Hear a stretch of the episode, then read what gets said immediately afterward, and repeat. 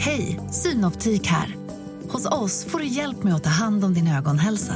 Med vår synundersökning kan vi upptäcka både synförändringar och tecken på vanliga ögonsjukdomar.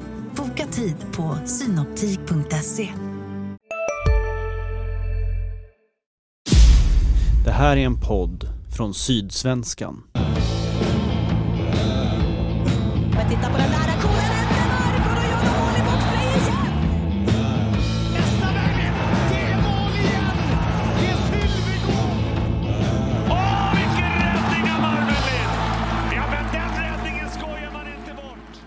Redhawks-podden är tillbaka! Välkommen till avsnitt nummer 22 av Sydsvenskans Redhawks-podd med mig Mattias Nilsson och Kent Leon Jönsson. Och som utlovat har vi en gäst. Det är hans andra besök i podden. Varmt välkommen till Redhawks sportchef Björn Liljander. Tack så mycket, kul att vara här igen. Hur är läget Björn? Jo tack, det är bara bra. Det är maj månad och man börjar känna lite sommarfeeling så att det är väl helt okej tycker jag. Hur mycket hockey tänker du varje dag? Ja, för mycket kanske. Nej men det är ju, även om det är lite off season så klart att eh, man, tankarna finns där hela tiden. Och man, dels är det lagbygget man funderar på, sen är det hockey-VM som pågår nu så att eh, det är ju fortfarande väldigt mycket hockey som, som pågår och snurrar i skallen givetvis. Men jag gissar att din puls är lite lägre nu än vad det var under slutet av mars. Ja, eh, pulsen och ångesten är ju inte riktigt på samma nivå som, som det kanske var för ett par månader sedan utan nu är det lite lugnare så det, det är ju skönt för kanske alla inblandade, även familj och anhöriga. Om man pratar liksom med sportchefer och general managers, eh, känner du dig mest som Kyle Dubas? För alla som inte vet, eh, Mattias visste inte, general manager för Toronto Maple Leafs eller som Henrik Evertsson i, i Växjö. V- Vad vill du helst känna dig som just nu? Oj, eh, jag tror att Henke har en bra tillvaro som, som har vunnit sitt, sitt fjärde SM-guld. Så Ja. att, eh, det, det är ju därför man håller på med idrott och det är Precis. därför man tävlar i SHL. Det, är ju, det handlar om att vinna eh, någonting. Så det, det, är ju, det är bara att imponeras av det Henke har gjort uppe i Växjö. Och givetvis så, mm, så klart att man sneglar lite grann på, hur- vad han har gjort bra under, under sina år. För att eh, uppenbarligen så har han gjort många, många bra saker. Så att ehm, det, ja, det hade varit kul att varit i hans skor såklart. Jag får eh, tillägga här att eh, Toronto har inte vunnit Stanley Cup sedan 1967. Så att det, är, det är en tid. Lång tid. Ett bra tag sedan. Ja, det måste man säga. Björn, du gör din andra säsong nu som sportchef i Redhawks. Eh, Vad har du lärt dig under den här tiden? Oj, bra fråga. Eh, jag tycker nog att jag har lärt mig eh, väldigt mycket under den här säsongen som varit. Fått många insikter. Eh, dels såklart att eh, det var en omställning att komma till en ny organisation med allt vad det innebär. Ehm, och sen för min egen del så var det ju lite annat ansvar också. Att kliva upp som, som sportchef och inte vara assisterande sportchef som jag var i min tidigare klubb. Ehm, så det är ju helt annat ansvarsområde och eh, samtidigt som det är klart att eh, man har fått lära sig hur man ska hantera saker och ting och när säsongen blev som den blev så klart att anspänning, stress och allting påverkar eh, och det är också att man får insikter både om sig själv och i sin omgivning och hur man ska hantera det. Så att ehm, man kan väl säga att det har varit väldigt mycket erfarenhet man har samlat på sig under det här året som har varit.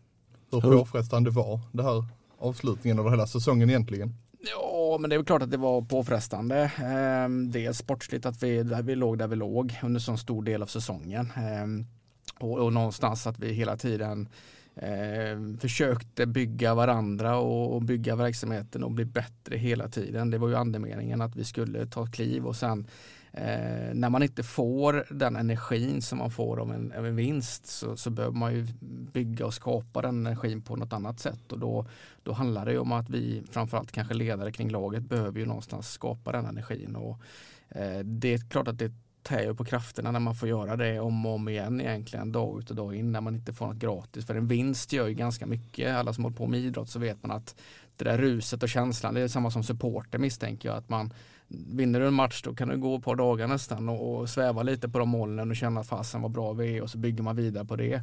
Vi fick aldrig riktigt det genuint. Vi hade ju svårt att vinna två, tre matcher på raken exempelvis. Så att, eh, det, det är klart att det var påfrestande och vi fick, vi fick lära oss verkligen att jobba mot eh, prestationsmål och bryta ner spelet i, i detaljer och eh, jobba utifrån det för resultatet gick ju emot men vi, vi valde att, eh, ja, stötta varandra och bygga varandra i det och det, det är något vi känner oss jäkligt starkt av eh, efter säsongen nu när vi lyckas ta oss igenom det. Men det är klart att det, det var påfrestande givetvis och för min egen del som, som gillar att jobba med framförhållning och gillar att ligga i fas så klart att när man inser att eh, det är svårt att planera någonting. Det är svårt att bygga nästa års lag. Man satt med två scenarier, man satt med två lagbyggen. Man kunde egentligen inte göra några avslut på, på några signings av spelare utan man fick egentligen bara eh, visa intressen och så vidare. Det är klart att det, det var också påfrestande givetvis. Men eh, jäkligt lärorikt att hamna i den situationen vilket gör att man, man uppskattar ju kanske allt annat på, på ett annat sätt nu för, nu för tiden. Då. Fick du liksom känna på något sätt att eh, är det, är det en stor skillnad att eh, säga att eh, hej det är Björn jag ringer från Frölunda eller eh, det är Björn jag ringer från Malmö, Malmö Redhawks som ligger sist i, i SHL-tabellen. Fick man känna av det från agenter och så också? Både och skulle jag vilja säga. Det är klart att vi är lite längre ner i näringskedjan mm. kanske mot, mot vissa andra lag i ligan som har varit etablerade topplag. Mm. Det är väl så sett.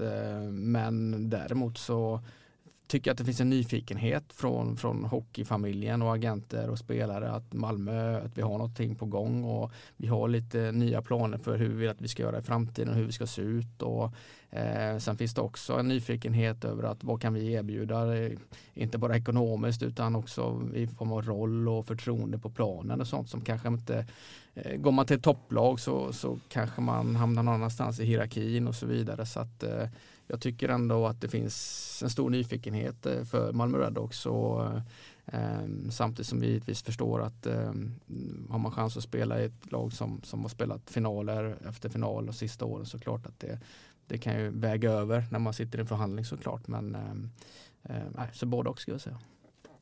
Kort efter du hade tillträtt som sportchef i Malmö så pratade du om att ni behövde skruva lite på träningskulturen. Hur eh, har du och ni gjort det? Ja, men det har vi gjort. Eh, dels så har vi adderat eh, lite mer tävlingsmoment i den dagliga verksamheten, eh, både på, på is och fys. Och vi har på vad det gäller fysdelen skruvat upp temperaturen en hel del för att träna ännu bättre. Och det är väl någonting som vi fortfarande känner att vi behöver skruva upp ännu mer. Vi, vi har väl gjort, vi har tagit steg den här säsongen känner vi, men vi behöver ta ytterligare kliv framåt och både vad det gäller Eh, det som händer utanför isen på fysdelen men också på isen och hur träningsdagarna ska, ska, ska se, se, ut och hur vi ska jobba med den individuella delen på, på, på isen också. Så att vi, vi har tagit kliv under säsongen men vi är långt ifrån nöjda. Vi känner att vi kan skruva ännu mer och vi har redan börjat eh, skruva upp eh, saker ytterligare. Så att vi, vi har lärt oss mycket. Eh, och inser att allt var inte perfekt. Eh, och det, det är viktigt att vi försöker göra allting bättre hela tiden och där är vi i en process och, så det känns spännande. Men trots att ni kom sist och det var ju fem poäng från en från säker mark så att säga. Tio från en slutspelsplats. Vad är en rimlig målsättning nu då? Men det är väl det man ska ha med sig att ligan är ju otroligt jämn. Mm. Det, tittar man i, i år, vi tar 61 poäng och historiskt sett så brukar man väl klara sig från, från kval och ta över 60 mm. poäng. Eh, så att ligan är extremt jämn. Spolar man tillbaka bandet och tittar på, på hur matcherna och hur, hur det var i vinter så är det ju extremt många matcher som vi hade ledningen som vi tappade i slutminuterna. Vi hade 2-3-0 inför sista perioden eller sista tio till och med och lyckades gå därifrån med noll poäng och så vidare. Så att eh, Givetvis så behöver vi göra saker och ting bättre i den dagliga verksamheten som vi var inne på alldeles nyss. Men vi vill bli bättre. Vi vill givetvis eh, ta oss till slutspel. Det, det, det är det vi siktar på. Är det tionde plats att räkna med? Eller? Ja, precis. Ja. Att, eh, vi har inte bestämt exakt vad mm. det ska vara men det är väl fullt rimligt att eh, utifrån att vi kommer till sist i år att eh, sitta här och prata om ett SM-guld. Det känns väl lite väl naivt men vi behöver ta ett steg i rätt riktning och ett ganska stort steg i rätt riktning skulle jag säga. Och det, det handlar om vad vi gör varje dag för att kunna komma in i ett slutspel och jag tror att hade vi kommit in i ett slutspel i år med det laget vi hade så hade det kunnat varit jäkligt intressant. Men nu gjorde vi inte det och då måste man också titta på vad kan vi justera och göra bättre för att vi ska kunna hamna där till nästa år. Var det självklart att Thomas Kollar och ledarstaben skulle få vara kvar med tanke på hur det gick förra säsongen? Ja, det var det. Eh, jag är tämligen övertygad om att ska man bygga en bra verksamhet över tid så behöver man bygga med kontinuitet och eh, Det är ingen slump att eh, Växjö, Skellefteå och Frölunda har varit framgångsrika över tid för de har hållit, haft en kontinuitet på, på ledarsidan. Sen det är klart att det är omsättning på spelare varje år men det, det inser vi bara nu vilken, eh, vi går in med helt andra ingångsvärden nästa säsong eh, för att vi har lärt oss mycket av säsongen som var. Vi har ju kunnat utvärdera den tillsammans. Vi, vi har fått bra feedback från spelarna vad vi behöver justera både positivt och negativt och vi givetvis så när man går igenom en sån tuff säsong som man gör så det är klart att man växer ihop som, som människor och som grupp när man går igenom tuffa saker och det, det är ju verkligen någonting som vi gjorde och eh, det, där har vi en, en god känsla nu och jag tycker att eh, våra ledare utvecklas, utvecklas också enormt som, som ledarteam under säsongen. Eh, med det sagt eh, så har vi fortfarande jättemycket saker att jobba på och bli bättre. Eh, pratar vi med vår headcoach Thomas Kolla så har han haft en enorm utvecklingskurva under den här säsongen och Ehm, det, jag har varit trygg med Thomas hela tiden. Jag ser vilket engagemang han har och vilket taktiskt kunnande han har och hur mycket han brinner för den här klubben. Ehm, och att dessutom då gå igenom den här säsongen och samla på sig den erfarenheten. Det, det är ju guld värt för oss som vi ska dra nytta av framöver. Ehm, och jag kan bara säga att den här säsongen tror jag till och med att Roger Rönnberg hade varit eh, gråhårig över om han hade utsatts för och jag tror att en sån som Roger som en erfaren coach i sammanhanget hade också fått eh, han hade lärt sig mycket under en sån här säsong och då kan man då tänka sig vårat ledarteam som, som är nytt och Thomas som också är lite ny i gamet så, eh, så har vi lärt oss extremt mycket och den, den erfarenheten ska vi dra nytta av. Ni har förlorat fyra av era fem bästa poänggörare. Söderberg, Marcus Sylvegård och tvillingarna Westerholm. Hur ska ni ersätta de här poängen? Givetvis ska våra befintliga spelare ta kliv. Eh, inte minst en sån spelare som Kalle Persson exempelvis som gjorde sin poängbästa säsong i år och tagit kliv och det går i rätt riktning. Sen så givetvis behöver vi ju addera nya spelare som kan producera framåt för oss. Eh, eh, med det sagt att det inte kommer att kanske vara en spelare som gör 50 poäng men vi kommer ha ett par spelare som, som kommer, kommer kunna leverera framåt för oss. Och vi kommer också ha en backsida där vi kommer kunna hota lite mer från, från bakplan och från blålinjen så att jag tror vi kommer kunna ha lite mer från eh, backsidan också i produktionsprotokollet. Eh, Så att ehm, det, det kommer tillföra, kommer komma in nya spelare och eh, Janne Kokkanen exempelvis som, som är en offensiv skicklig spelare som vi tror jäkligt mycket på. Som ja, senaste åren har, han var i Schweiz i år men spelat i, i Davis i NHL i två säsonger innan dess. Så, eh, det är en spelare som, som vi tror mycket på i det offensiva spelet givetvis. Men Marcus Sylvegård gjorde 41 poäng. Skulle ni gjort mer för att försöka behålla honom? Ja, alltså Marcus hade ju en eh, fantastisk vår kan man väl säga. Han hade en ganska tuff höstsäsong. Eh, det hände inte så mycket under hösten, men det, det vi gjorde bra tycker jag, det var att vi hade tålamod med Marcus och, och lät han eh, fortsätta spela mycket och få stå i sin position som skytt i powerplay och så vidare och bygga ett förtroende och också ett självförtroende hos Marcus på sikt. Och, Eh, det tycker jag han anammade bra och sen så fick han en fin utvecklingskurva under, under våren. Så att eh, ja, Marcus kanske skulle ha signat nu under våren med oavsett vilken klubb så hade han nog varit i en bättre situation kanske än i höstas. Precis, jag menar, man, man säger att en eh, snittlön i, i SHL är väl 110-115 000 i månaden. Man kan misstänka att nu går ju Marcus då till Växjö att just Henrik Everson som vi tidigare nämnde kanske gjort ett ganska bra klipp genom att signa honom rätt så tidigt innan den här explosionen eh, kom för eh, Marcus un, under våren.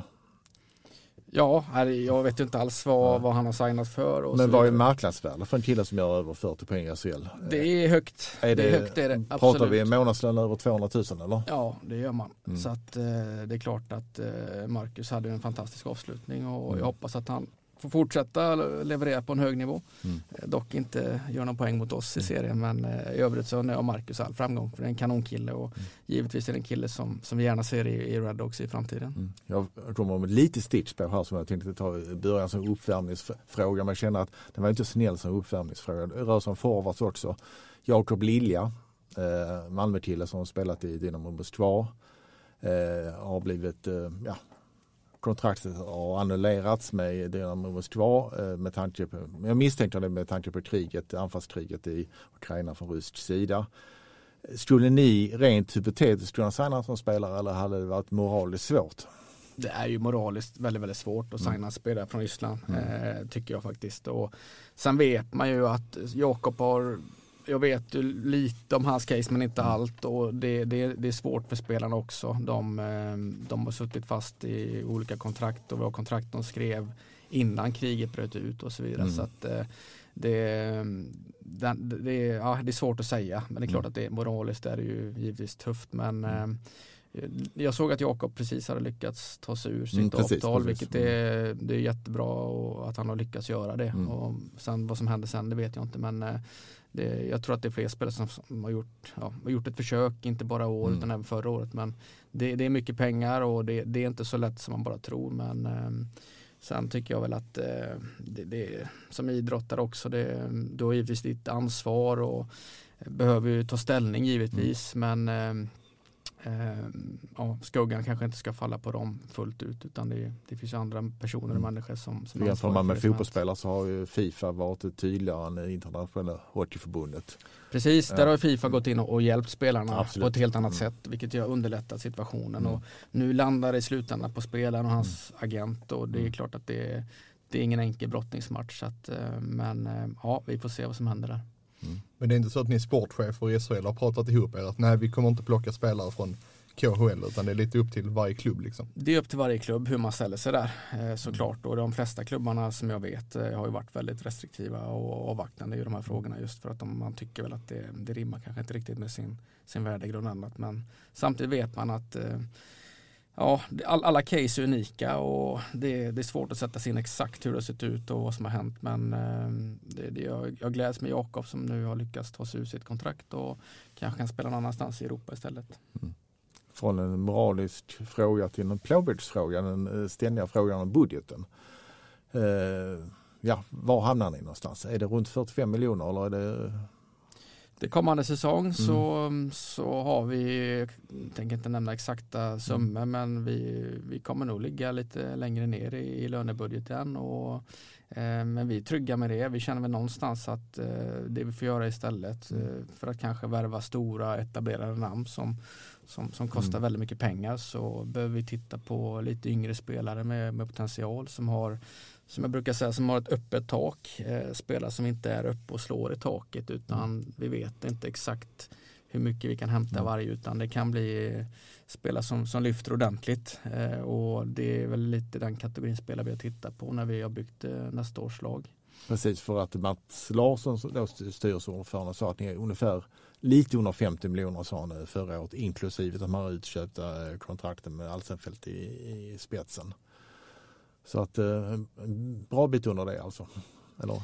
Ja, det, det, vi kommer göra, vi kommer ja, göra en liten hyvling, kommer Mm. göra, men med det sagt så eh, det så, behöver det inte bli så mycket sämre utan Nej. vi, snarare behöver vi värdera varje krona vad, vad, vi, vad vi lägger eh, och investerar i och lek med tanken att du har 100 kronor sen ska du någonstans bestämma hur mycket av den 100 lappen ska du lägga på målvakter, backar, forwards. Mm. Sen när du väl bestämt att okej jag lägger de här 20 kronorna på målvakt och 30 på backar och Mm. 50 på forwards och sen ska du titta på de här forwardsna. Okej, vilka forwards är det vi behöver? Vi behöver de här centrarna, vi behöver den här typen av forwards och då får man också någonstans bestämma sig för hur många kronor ska vi lägga på respektive profil och eh, ja, karaktär om man Mm. säger så. Så, att, eh, så det blir ju ett pussel när man, när man sitter med, med en budget och man får ju göra olika strategiska val hela tiden och eh, därför får man ju i vissa fall kanske bestämma sig nej vi kan inte signa den här spelaren för att det påverkar nästa steg och nästa steg igen. Mm, mm. Så det, det är ju det är ett pussel är det, att få ihop det på sista raden och det är väl det som är en utmaning men också väldigt roligt så att man får, man får tänka till. Det är inte bara slänga sig över första bästa spelare och slänga på ett kontrakt och så tycker man fasen vad skönt nu har vi fått eh, han i laget och det känns skitbra men sen ska du få resterande delar också. Precis, allt hänger ihop Så, naturligtvis. Sen, såklart. Så och, att, sen är det ju eh, många spe, dyra spelare som har försvunnit också naturligtvis. ja det kanske det är. Ja. Men eh, hur stor del av eh, pengakakan finns kvar då? Du har ändå värvat en del. Ja, det finns en liten påse pengar kvar så att eh, vi får se vad kan eh, vaska fram här kommande veckor. Mm. Nu ser inte ni Björn, men han ser lite lurig ut när han säger det. ja, så är det. Nej, men jobbet pågår ju för fullt som sagt och det, det är klart att vi jobbar eh, ständigt de här dagarna för att titta på nästa års lagbygge vi har en lista på på forwards. Eh, det är ju det vi ska addera. Så att, eh, det är två, två forwards till som ska in eller tre rent av. Ja, det är två forwards till Mm. som ska in då. Mm. Och, och där har vi ju lite olika namn och, och spår så att så får vi se var vi landar. Ja, det är en dyr och en mitt emellan. Mm, nej, jag hoppas ju på att det är två billiga. Ja, jo, jo, men alltså i kvalitet då? Är det, Ja, men det ska vara två spelare som ska tillföra det offensiva spelet och det är klart Mm. att eh, då får man nog vara beredd att betala en liten slant i alla fall. mm. Vi ska prata lite om nyförvärven och vi inleder väl på backsidan då. Det är Jakob Galvas, Johan Ivarsson och Timo Kivihalme som är nya på backsidan. Berätta lite om dem. Ja, men jag tycker vi ska börja med Ivarsson där då som är en, eh, ja, det är en Malmöpåg eller Skånepåg som, som kommer hem. Eh, haft eh, en jättefin session som har varit ute sen han lämnade Malmö. Han gjorde några bra säsonger i Färjestad och jag gillar han starkt. Och sen var han i Finland, gjorde riktigt bra där och var, var i final och spelade exempelvis med TPS och gjorde bra ifrån sig. Och, eh, har gjort det extremt bra i Södertälje i Hockeyallsvenskan. Jag skulle påstå att det är en av eh, allsvenskans bästa backar. Eh, och då tror jag att jag inte är ensam om att tycka det utan eh, Johan är en eh, stabil, pålitlig back, bra skridskoåkare, ett bra första pass men också spelar, spelar fysiskt när tillfälle ges och släpper ingen över bron. Och det känns jättekul att få hem en, en kille med, med Malmöhjärta som, som verkligen vill och brinner för att spela i Malmö Redhawks. Jag tror att han hade haft möjlighet att kunna spela i många SHL-lag men Eh, han hade ju en bra roll i SSK, ett stort ansvar där som han var stolt över men att just att komma hem till Malmö och spela där det, det lockade och vi är väldigt glada att, att eh, Johan kom, kommer hem här. Eh, och sen vad det gäller de andra där så är det ju Galvas då, Jakub Galvas, en, en tjeckisk back född 99 som eh, har varit i Chicagos organisation de sista åren. Eh, spelat i, i Rockford, farmarlaget i AHL. Ehm, jag har sett han genom åren på juniorlandslag, både U18 och U20-landslag. Eh, har alltid varit en framträdande roll i de landslagen. Sticker ut med sin skridskoåkning och sin förmåga att bära puck och, och vara lugn över pucken. Ehm, så och han har haft bra säsonger i Chicago. Vi har fått väldigt bra referenser både från ledarna i den organisationen men också från medspelarna. Så att ehm, det känns jättekul att få hit en sån ung kille som, som brinner för att ta nästa steg och eh, är helt committad till att han vill ta nästa kliv i Malmö och hjälpa oss att bli ett mer etablerat lag i ligan och komma ännu högre upp. Och, Ehm, så han, var helt, han ville gärna skriva två år, vilket vi också är glada för, så att vi får jobba lite mer långsiktigt med, med en sån kille. Ehm, så ehm, det känns spännande och sen så har vi nyligen presenterat eh, Teemu Kivihalme som eh, är också en back som jag har följt i, i många, många år. Som jag har sett eh, framförallt i Toronto Marlies när han har spelat där i AHL. Där han var i tre år. Eh, innan det så har han också varit i, i Kärpet och spelat och gjorde några faktiskt riktigt bra säsonger i Kärpet och eh, då var han också nog och nosa på att vara en av de bättre backarna i finska ligan eh, de åren där. Så att eh, Teemu sticker ut med också, han har också väldigt bra skridskoåkning. Eh, väldigt mobil och rörlig, duktig på att hålla pucken och bra händer för våra back. Kan, eh, kan inte hålla i, vara lite kylig. Stressar inte upp sig med pucken. Eh, så eh, han är 27 år gammal så han är lite mer erfaren. Samlar på sig lite mer erfarenhet än de andra killarna. Men eh, Eh, nej, det känns också jättekul att få in en sån kille som, som är hungrig på att eh, ja, ta nästa kliv och eh, är långt ifrån eh, nöjd med sin karriär utan vill, vill uppnå någonting framåt. Och så har vi forwardsidan då med tre nya där också. Janne Kukan har varit inne på lite tidigare och så har Thomas Berg Paul- Paulsen och eh, Albert Sjöberg. Och vi har en kort beskrivning på dem. Ja, eh, men Janne är ju en, eh, en skicklig forward, väldigt smart spelare.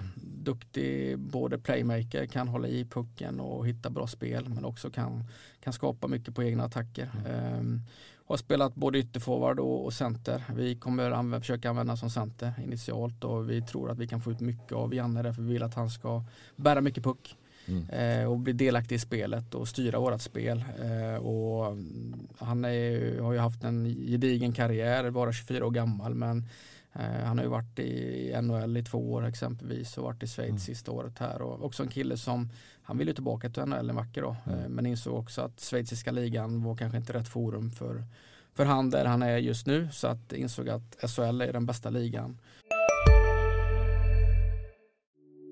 Hej, Ulf Kristersson här. På många sätt är det en mörk tid vi lever i. Men nu tar vi ett stort steg för att göra Sverige till en tryggare och säkrare plats. Sverige är nu medlem i Nato. En för alla, alla för en. Vi är specialister på det vi gör, precis som du. Därför försäkrar vi på Swedea bara småföretag, som ditt. För oss är små företag alltid större än stora och vår företagsförsäkring anpassar sig helt efter firmans förutsättningar. Gå in på swedea.se företag och jämför själv. För att kunna ta sig tillbaka till NHL en vacker dag. Så att, eh, jättekul att vi fick in Janne. Eh, vad det gäller Thomas Berg Paulsen så är det ju en kille som eh, har haft en jättefin säsong i Stavanger i år i norska ligan. Eh, mer, där har han producerat en del i år men vi ser han ju mer som en karaktärsspelare, en hårt arbetande forward som ska vara pålitlig i, i det defensiva spelet och följa systemet. Eh, jag har sett han nu i de här matcherna i VM och jag tycker han har en eh, otrolig smartness i sitt spel. Han, han spelar för laget i alla situationer och spelar eh, och tar smarta beslut och riskar ingenting utan gör det som krävs för att laget ska bli framgångsrikt. Så att eh, det är väl ungefär de förväntningarna vi har på han. Och Albert Sjö, Sjöberg är också en, en yngre förmåga. Det är en frisk fläkt som jag också följt i många år från sen juniorlandslag. Det är en spelare med bra skridskoåkning och bra attackspel som eh, är som bäst när han är lite eh, grinig och temperament och, och, och tävlar stenhårt ute på isen. Eh, då är han jobbig att möta och eh, han, är, han är som en bålgeting och eh, han har haft eh, några år i SSK nu. Jag tycker kanske säsongen som var var inte fullt så, så bra som säsongen innan. Då vi var också där och nosade på honom redan förra året. Eh, men vi trodde nog att ja, det är nog bra att stå på tillväxt ett år till i Allsvenskan och sen så hade SSK ett rätt så bra lag i år och fick kanske inte riktigt det förtroendet och, och av olika anledningar så, så blev säsongen kanske lite sämre men vi ser en stor potential i Albert och det är en kille som kommer komma hit och jaga underifrån om man säger så då. Så att eh, vi tror att på sikt kan det bli något bra för oss. Du pratade lite om grinighet och temperament. Emil Sylvegård och Oliver Lauridsen har ju lämnat. Hur viktigt är det att få in spelare som kan liksom ersätta det? Mm, ja, jag vill ju alltid ha spelare som, som tävlar och har temperament på isen och det tycker jag att många av de killarna vi har i laget eh, har redan så att eh, det, det är en fördel de flesta spelarna har egentligen oavsett vilken profil och position de har. Så att, eh, men vi har ju ett gäng kvar i laget som, som har de attributen också, inte minst Lukas Wernbloom så att eh, vi och vi Evarsson kommer tillföra många bra saker också i det fysiska spelet om man ser så. Och, Eh, Kiwi Halme vet jag också att eh, när han blir grinig så eh, kommer det smälla i planket i Malmö Arena. Så att, eh, det, det finns hos de flesta spelarna men det, det gäller också att vi skruvar upp det och eh, hittar det. För det, det är en bra ingrediens att kunna ha eh, ett temperament i sitt spel. Mm. Du nämnde nu Lukas Wernbloom, det är lite spännande. Han hade en ganska tuff säsong men i kvalet var- kom han ju verkligen fram och gjorde det bra. Vad har du för förhoppningar på honom? Ja, men givetvis att han ska fortsätta på, på den inslagna vägen där och det är klart att säsongen som var var tuff för han. Han kom in och bröt armen i första träningsmatchen uppe i, i Halmstad arena när vi mötte Växjö i första träningsmatchen och det är klart att det komma som ung spelare upp på en, en, en ny nivå eh, få den starten. Det, det är klart att det är tufft innan man eh, kommer in i det. Och sen kom han tillbaka och vart väl lite sådär sporadiskt med istid, inte riktigt någon kontinuitet i det och vi gjorde också att det blev ännu svårare kanske att, att växa in i det. Men eh, när han väl fick spela ordentligt sen efter, efter jul och mm, blanda in allting och så tycker vi att han tog kliv för kliv och blev en, eh, en riktig joker för oss i, i kvalspelet och visade att eh, det är en spelare som, som kan spela på en bra nivå. Om man tittar lite på målvaktssidan, personligen kan jag tycka att den, ja, den som jag kanske är mest osäker på så här i, på förhand, men jag tänkte på Marmelin, eh, spelade okej men kanske inte mycket mer än okej fram till han blev skadad och sen har vi Sen vet vi alla att det hänger ihop med försvarsspelare och sånt också. Eh, sen har vi Adam Werner i frysboxen länge och sen kom han tillbaka och hade en stegrande formkurva och var ju riktigt bra med slutet. Vad, känner du att gör det naturligtvis eftersom du har två målvakt, målvakter kvar men för mig känns det som frågetecken då över tid att vem är nummer ett där? Ja, det är en bra fråga vem som är nummer ett och det får vi väl se här lite grann här. Men jag tycker att Danne startade ju under hösten väldigt, väldigt bra. Eh, spelade på en hög nivå. Men det kanske var fem, sex matcher sen det dalade lite va? Eller? Ja, det är möjligt. ja. Men jag tycker han hade i alla fall några topprestationer där som visar att han är en, eh, en toppmålvakt i ligan. Eh, när han spelar på sin absoluta yttersta topp. Och det är ju den nivån vi behöver hitta oftare i Dannes spel såklart. Och, eh, Danne spelade under hösten när vi som lag kanske inte heller spelade det bästa försvarsspelet utan det, det gjorde vi framförallt ju längre säsongen led. Eh, Adam kom ju med, med en lite stukad bakgrund från Nordamerika, haft några tuffa säsonger bakom sig och vi visste att Adam var ett litet projekt. Eh, internt så, så hade vi diskussioner om att vi behövde jobba med honom för att någonstans det kommer ta lite tid innan han är redo på sin nivå. Och, och, och så blev det också men Adam eh, höll fanan högt och jobbade på stenhårt under hösten och sen eh, när det blev som det blev med Dannes skada i mellandagarna så, så blev det ganska naturligt då att Adam fick eh, mer förtroende och spela sig i, mer och mer i form och eh, tyckte att han växte och, och växlade upp och spelade på en jäkligt hög nivå. Ehm, och vårt försvarsspel vart, vart bättre och målvaktsspelet vart bättre och det, det ena ger det andra såklart definitivt. Men jag tycker det känns spännande med, med den kurvan som, som Adam hade. Och sen att Danne nu är tillbaka från sin, från sin skada och kan komma tillbaka in här och börja tävla om det igen. Det är två killar i, i, i en spännande ålder med båda har en otrolig potential. Så att eh, jag är övertygad om att de kommer kunna bygga ett bra målvaktsteam och hjälpa oss att vinna matcher i vinter. Apropå backar så är ju, tänkte jag på sånt som Joakim Ryan som gick från 31 och sjönk till 15 poäng. Hur får man igång hans produktion?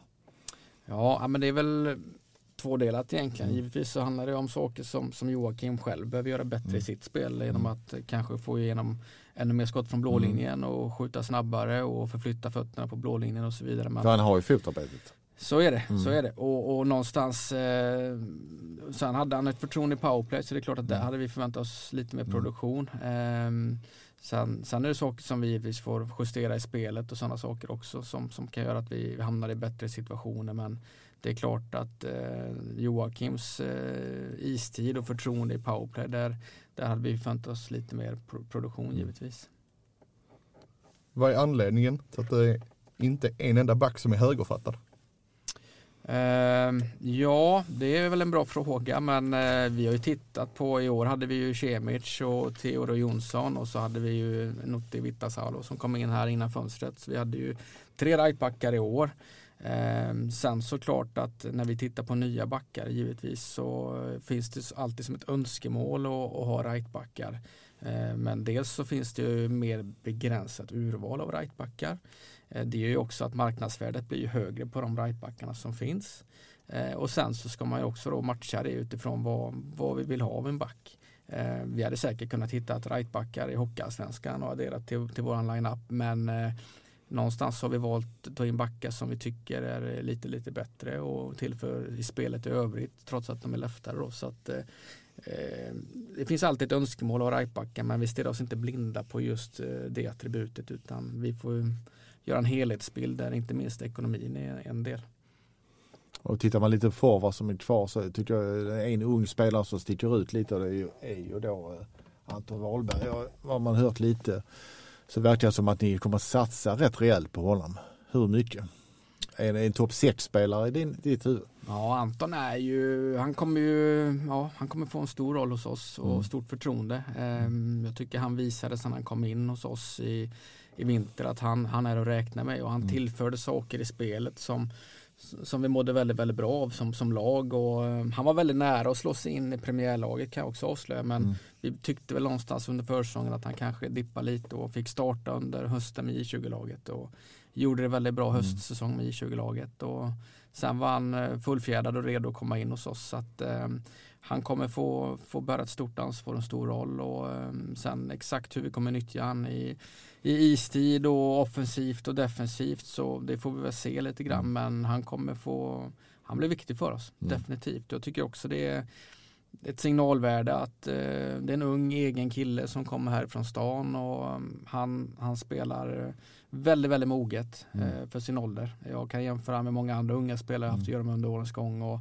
jag tycker han spelar väldigt seniorigt och eh, moget och smart eh, spel ute på isen så att eh, vi, vi tryggar med Anton och sen som alla unga spelare behöver man jobba på, Mm. på saker och ting och eh, han är inne och jobbar nu extra i gymmet och så vidare. Vi vet att det kommer hända mycket för han kommande månad nu med NHL Combine där han ska åka över och göra fystester för, för NHL-draften. Och det är dit de 100 hö- högst rankade åker va? Precis, Mm. stämmer det. Så det kommer vara här nu i, i maj månad och eh, sen är draften i juni och sen så är det ju förmodligen camper som väntar efter draften där Mm. och Anton förväntas ju gå ganska högt i draften. Hur högt? För han var ju rätt så, alltså det var inte många som kände till honom kanske. Han kanske var tredje, fjärde rundas tänk liksom i eh, någonstans i augusti, september. Men nu pratas han betydligt högre. Hur högt tror du personligen?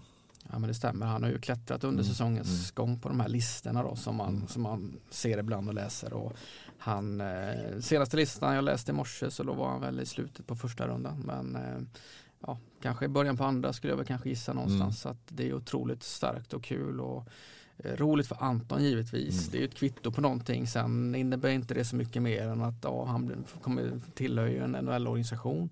Sen om de väljer signa han nu eller på sikt, det får man ju se. Det blir ju Mm. nästa morot för honom att jobba efter. Och, men sen är det väl också någonstans tycker jag ett kvitto till organisationen och dels en stolthet för Limhamns verksamhet som, Mm. som har fått fram en ung duktig kille som, som vi har lyckats vidareutveckla och förvalta i Mm. våran akademi och eh, som går så högt i en NHL-draft. Det, det är någonting som man väldigt ska, ska vara väldigt, väldigt stolt över i, i våran region. Och, Eh, all cred till alla ungdomsledare och juniortränare som, som har haft med han att göra under årens gång för uppenbarligen har de gjort något väldigt, väldigt bra. Mm. Finns risk att någon NHL-klubb vill skriva kontrakt nu, nu direkt efter draften?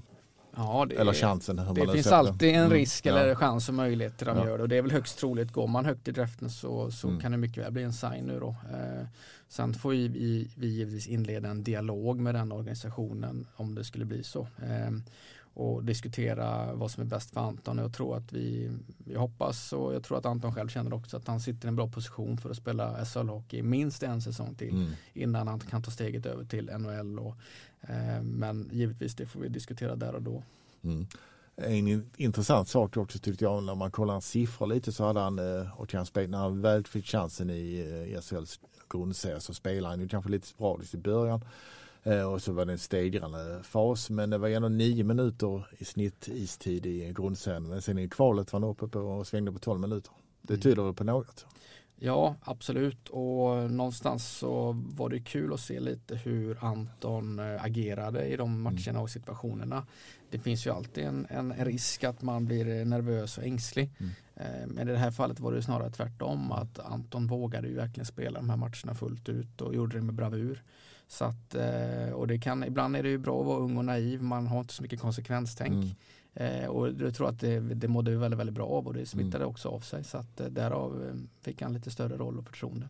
Men nu kommer det svåra andra året så att säga. När man det här liksom jag är ung och grön och jag kör bara på tänket. Nu ska han förvalta det han har åstadkommit hittills och ta det till vidare så att säga. Precis, nej men det, det är ju faktiskt så att både våra förväntningar och hans förväntningar och alla andras förväntningar skruvas ju upp nu till, till andra året och dessutom då kanske med en NHL-draft i ryggen Mm. och så vidare men eh, det är någonting som vi redan nu har börjat diskutera med Anton hur vi ska ta oss an den här säsongen och se på det och jag tror med hans personlighet och, och vårat ledarskap så tror jag att det kommer bli jättebra så att ehm, det gäller att se möjligheter med det. Du har ju varit länge i Frölundas organisation. Kan man jämföra honom med de bättre spelarna där? Som, Det kan man absolut Mm. göra men det som jag tycker är eh, särskiljer Anton det är ju att han eh, om man jämför med Lukas Raymond och Andreas Jonsson de här spelarna som kommer Mm. upp och de, de spelade kanske lite mer eh, junioraktigt på seniornivå och gjorde lite sköna moves och toe drags och skulle hålla i och finta och så vidare. Men jag tycker Anton spelar ju otroligt moget och smart i sitt spel och det som sticker ut gentemot de flesta andra unga juniorspelare jag haft att göra med det är hans förmåga att täcka pucken och vara stark på pucken och klara av sargspelet som en ung juniorspelare. Där, där tycker jag faktiskt att han ligger långt före många av de andra stora top-prospecten som jag haft att göra med. Så att, eh, och sen har han förmåga att slå sin, sin gubbe också offensivt. Och, ehm, så jag tycker, eh, nej, han är otroligt spännande Anton och jag, jag håller han väldigt, väldigt högt utifrån alla spelare jag har haft att göra med under årens gång. Om vi tittar lite på forwards, Kim Rosdahl, hur eh, ser du på hans senaste säsong? Ja, jag tror att eh, både jag och Kim själv känner väl att han kanske inte, det blev, blev en rörig säsong för dem eh, med allt som var. Han kom till, till Rögle där och det blev inte alls som han hade tänkt sig och han var lite stukad och vi, vi lyckades få över han till oss här i, under hösten och eh, började väl lite trevande men jag tycker att han växte också i, lång, i längre säsongen led och Ehm, sen såklart har man alltid förväntningar på produktion och annat men jag tycker han visade väldigt, väldigt bra saker i, i spelet som helhet och visade också att han var en pålitlig defensiv spelare. Vi, otroligt smart spelare i penalty killing exempelvis. Eh, vilket man inte ska förringa. Så att eh, han bidrog eh, i allra högsta grad eh, med många, många bra saker. Sen så tror jag både alla vill att han ska peta in några puckar till givetvis och det, det är någonting vi kommer kämpa för, för framåt. Sen är han kanske en av de som kan stå för lite grit, lite attityd och så. För han var när han var som bäst i Malmö så var, var han ju mycket en attitydspelare. Och det var han kanske i Oskarshamn en del också. Men det försvann ju lite under Rögle-tiden där eftersom han blev osäker på, på sig själv naturligtvis. Men sen såg man kanske lite mer under kvalet att han var tillbaka där. Jag tror det är viktigt att han hittar sitt DNA, precis som du säger, att vad, vad är det man står för? Och börja i grunden där att det här ska jag stå för varje kväll och varje match och så börjar man där och sen så får det andra komma upp till så att säga. Och, eh, han är en, en, en, en bra karaktärsspelare som du säger och spelar med grit och tuff och jobbig att möta. Och när han gör de sakerna så ofta det bara går ute på isen så kommer man också hamna i fler mål, målchanser och mer, mål, mer målpositioner för att kunna använda sitt skott. Och, så att eh, det, det handlar mycket om det tror jag. Mm. Om man pratar om laget generellt då, så är min känsla att det krävs att spetsen levererar för att eh, det inte ska bli eh, samma visa den kommande säsongen. Håller du med där? Ja, man vill ju alltid att de spelarna som är tilltänkta offensivt ska producera. För det är, det är viktigt för laget och hierarkin och rollacceptansen inte minst. Eh, det tror jag är jätteviktigt för alla lag att man, de som ska vara där framme och som kanske har första powerplay, de, de behöver ju bidra och, och leverera. Inte bara för dem själva utan också för lagets bästa. Men jag tror också att det är, om man tittar på helhet, att man behöver få en rollacceptans på, på alla spelarna. Att, Eh, spelar man penalty killing och tekar i egen zon så, så är man jäkligt stolt över de sakerna och gör det så bra som möjligt och inser att det här är mitt bidrag till att laget ska bli så framgångsrikt som möjligt. Och vice versa, är du offensiv spelare så behöver du bidra i det offensiva spelet. Sen vet man ju att det går upp och ner under säsong. Titta på Mackan Sylvegård exempelvis. Det var inte så att han var räkningpoäng hela säsongen utan det var egentligen först efter jul som, som det började hända saker. Så att eh, det, det, det ska man också med sig. Man ska kanske inte utvärdera förrän sista matchen är spelad på det sättet. Och det viktiga är att vi som lag eh, går bra och, och ser till att vi vinner matcher. Sen eh, vill man såklart få en, en tydlighet i vem som ska göra vad och det blir ett jobb som vi ledare får göra såklart med spelarna. Men eh, jag tycker vi har en spännande backbesättning också där vi kan förvänta oss att vi, vi kommer bli bra på att fylla på spelet i, i ruscherna och backar som kan hoppa med anfall och hota från blå linje och i andra och tredje våg och så vidare. Så att jag tror också att vi kommer kunna ha ett vapen i det spelet. Är det ett starkare Redhawks-lag nästa säsong jämfört med den senaste? Ja, det är ju andemeningen. Vi tycker att vi har uppgraderat oss på, på de positionerna som vi har justerat hittills och sen har vi några pusselbitar kvar såklart. Så att, eh, men det tycker vi definitivt och det är ju så man hela tiden tittar och vänder och vrider. Att, eh, eh, Ehm, när man diskuterar spelare om man ska förlänga eller inte och vad kan vi få in istället. Men vi tycker att vi har fått in väldigt, väldigt spännande spelare ihop med att befintliga kärntruppen som är kvar givetvis ska bli bättre. Om man tittar på Oskarshamn så har de ju, kan man säga, haft en väldigt tydlig struktur i laget, eh, producerande, hårt jobbande spelare så att säga. Och klarat sig mycket på att de har haft eh, produktion av Karlqvist och Suomela nu, nu senast som är liksom skyhög. Och, och blivit, kommit ganska högt upp i tabellen. Eh, Kommer ni vara mer ett sånt lag eller kommer ni vara mer ett eh, lag som där eh, många producerar och bidrar?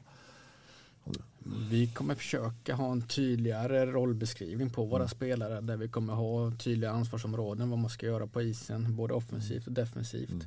Eh, Men jag tror fortfarande att en sån spelare som, som är extremt viktig för oss är Johan Olofsson som är grym i penalty killing, eh, grym på 5 mot 6 spel. Eh, Jag tror också att det finns produktion i en sån kille att hämta ut ännu mer av. Så att med det sagt, bara för man får en, en roll och en beskrivning så behöver det innebära att man inte ska göra de andra sakerna. Men vi kommer försöka bygga en tydligare hierarki, med framförallt tydliga roller, vem som ska göra vad. Så att vi vill ha en, en bra rollacceptans eh, där killarna vet vad som förväntas av dem. Och eh, Eh, också utifrån det följa upp hur de presterar i sina givna roller och hjälpa dem att ta nästa steg i sina givna roller. Eh, det tror jag blir en, viktig del för att vi ska lyfta som, som lag. Mm. Men Olofsson är väl ett, eh, ett namn som beskriver det rätt så bra som om man tittar, om man försöker föreställa sig själv som, som åskådare bara. Att det är en hårt arbetande spelare som kan vara lite av en artist ibland. Liksom två, tre byten när han gör sin karusell. Eller vad man ska säga med pucken. Ja, Johan hade ju en jättefin kurva. Jag tycker han spelar sin bästa ishockey när det gällde som mest. Och det är också en, en otrolig förmåga och egenskap att klara av att göra det under de förhållanden. Så att, eh, eh, Johan är ju helt taggad på, med den avslutningen han gjorde, givetvis på att ta nästa steg och fortsätta på, på, på det sättet och, och hjälpa oss att bli ännu bättre. Så att, eh, men eh, det är ju återigen han och Foppa, de gör ju ett otroligt jobb eh, på isen och inte minst i penalty killing som, som är viktigt för oss. Att, eh, och det, det, det ska de spelarna känna extremt stolthet över och bidra med och känna att det här är ju ja, det, det man gör för att laget ska bli bättre. Och vi har nu, du sa att det är två forwards kvar, två forwardsplatser öppna. Är, eh, har du gjort klart med båda eller? Eller en är klar kanske? Det vet man aldrig. Det kan mycket väl vara så att eh, en eller två eller noll är, klara. Det, det får vi se. Mm. Eh, hur mycket pengar har du kvar i budgeten sen om det skulle eh, skita sig om man får lov att säga så att ni får en kass start igen? Eller att ni, förra året startade ni ju rätt bra men sen var det en lång nedförsbacke där. Om man ser efter 20-25 matcher att ja, vi är på bottenlag och vi måste göra någonting åt det för att förändra det. Finns det liksom någon ekonomiska medel till det i så fall? Det, det brukar det ju Man brukar spara lite va? Det brukar alltid finnas eh, lite resurser då, likväl som i år så, så gjorde vi ju vi gjorde väl egentligen minimala justeringar sett till att vi låg där vi låg. Eh, Vi gjorde inga sparkningar på tränare eller stora värvningar. Jag vet exempelvis med Djurgården som något år innan oss låg i samma position där man gjorde rätt så mycket förändringar på spelarsidan. Eh, och på ledarsidan. Men eh, vi tog in eh, Nutti där som, som kom in för att förstärka backsidan när vi hade Lassen som var lite långtidsskadad och vi hade ytterligare några frågetecken på backsidan så att där kände vi att vi var tvungna att agera men eh, nej det, det brukar ju skulle man hamna i situationer Mm. under säsongen så, så klart att man det har ju med skadeläge och annat att göra så att då får man ju kanske agera då. Innan vi avrundar så eh, vet jag att du kollar på hockey-VM. Vilket eh, land kommer vinna? Uh, ja, jag tycker ju finnarna är, brukar ju alltid få ihop det i slutändan. Jag tror att de har väl kanske inte sprudlat här nu i, i gruppspelet men uh, hemmaplan och det trycket som är där så tror jag att de kommer växa under turneringens gång. Men uh, jag säger som så här, jag tycker att Sverige har ju börjat bra och de spelar en smart ishockey. Eh, Det märks att Sam är förbundskapten, man, man bjuder inte på så mycket lägen, man spelar ganska smart och man eh, styr tempot på ett klokt sätt. Så att jag tycker att Sverige har ju börjat bra och kan nog eh, ställa till det lite också. Så att ehm, det hade ju varit kul med en final mellan Sverige och Finland kanske. Och då vinner Då vinner Sverige med 2-1. Det säger Malmö Redhawks sportchef Björn Liljander i Sydsvenskans Redhawks-podden. Det här var avsnitt nummer 22 med Jonas Kanje som ansvarig utgivare. Och tills vi hörs nästa gång så får ni ha det bra i eh, solen som vi hoppas ska skina ordentligt nu så eh, hörs vi. Ha det gott. Hej. Hej.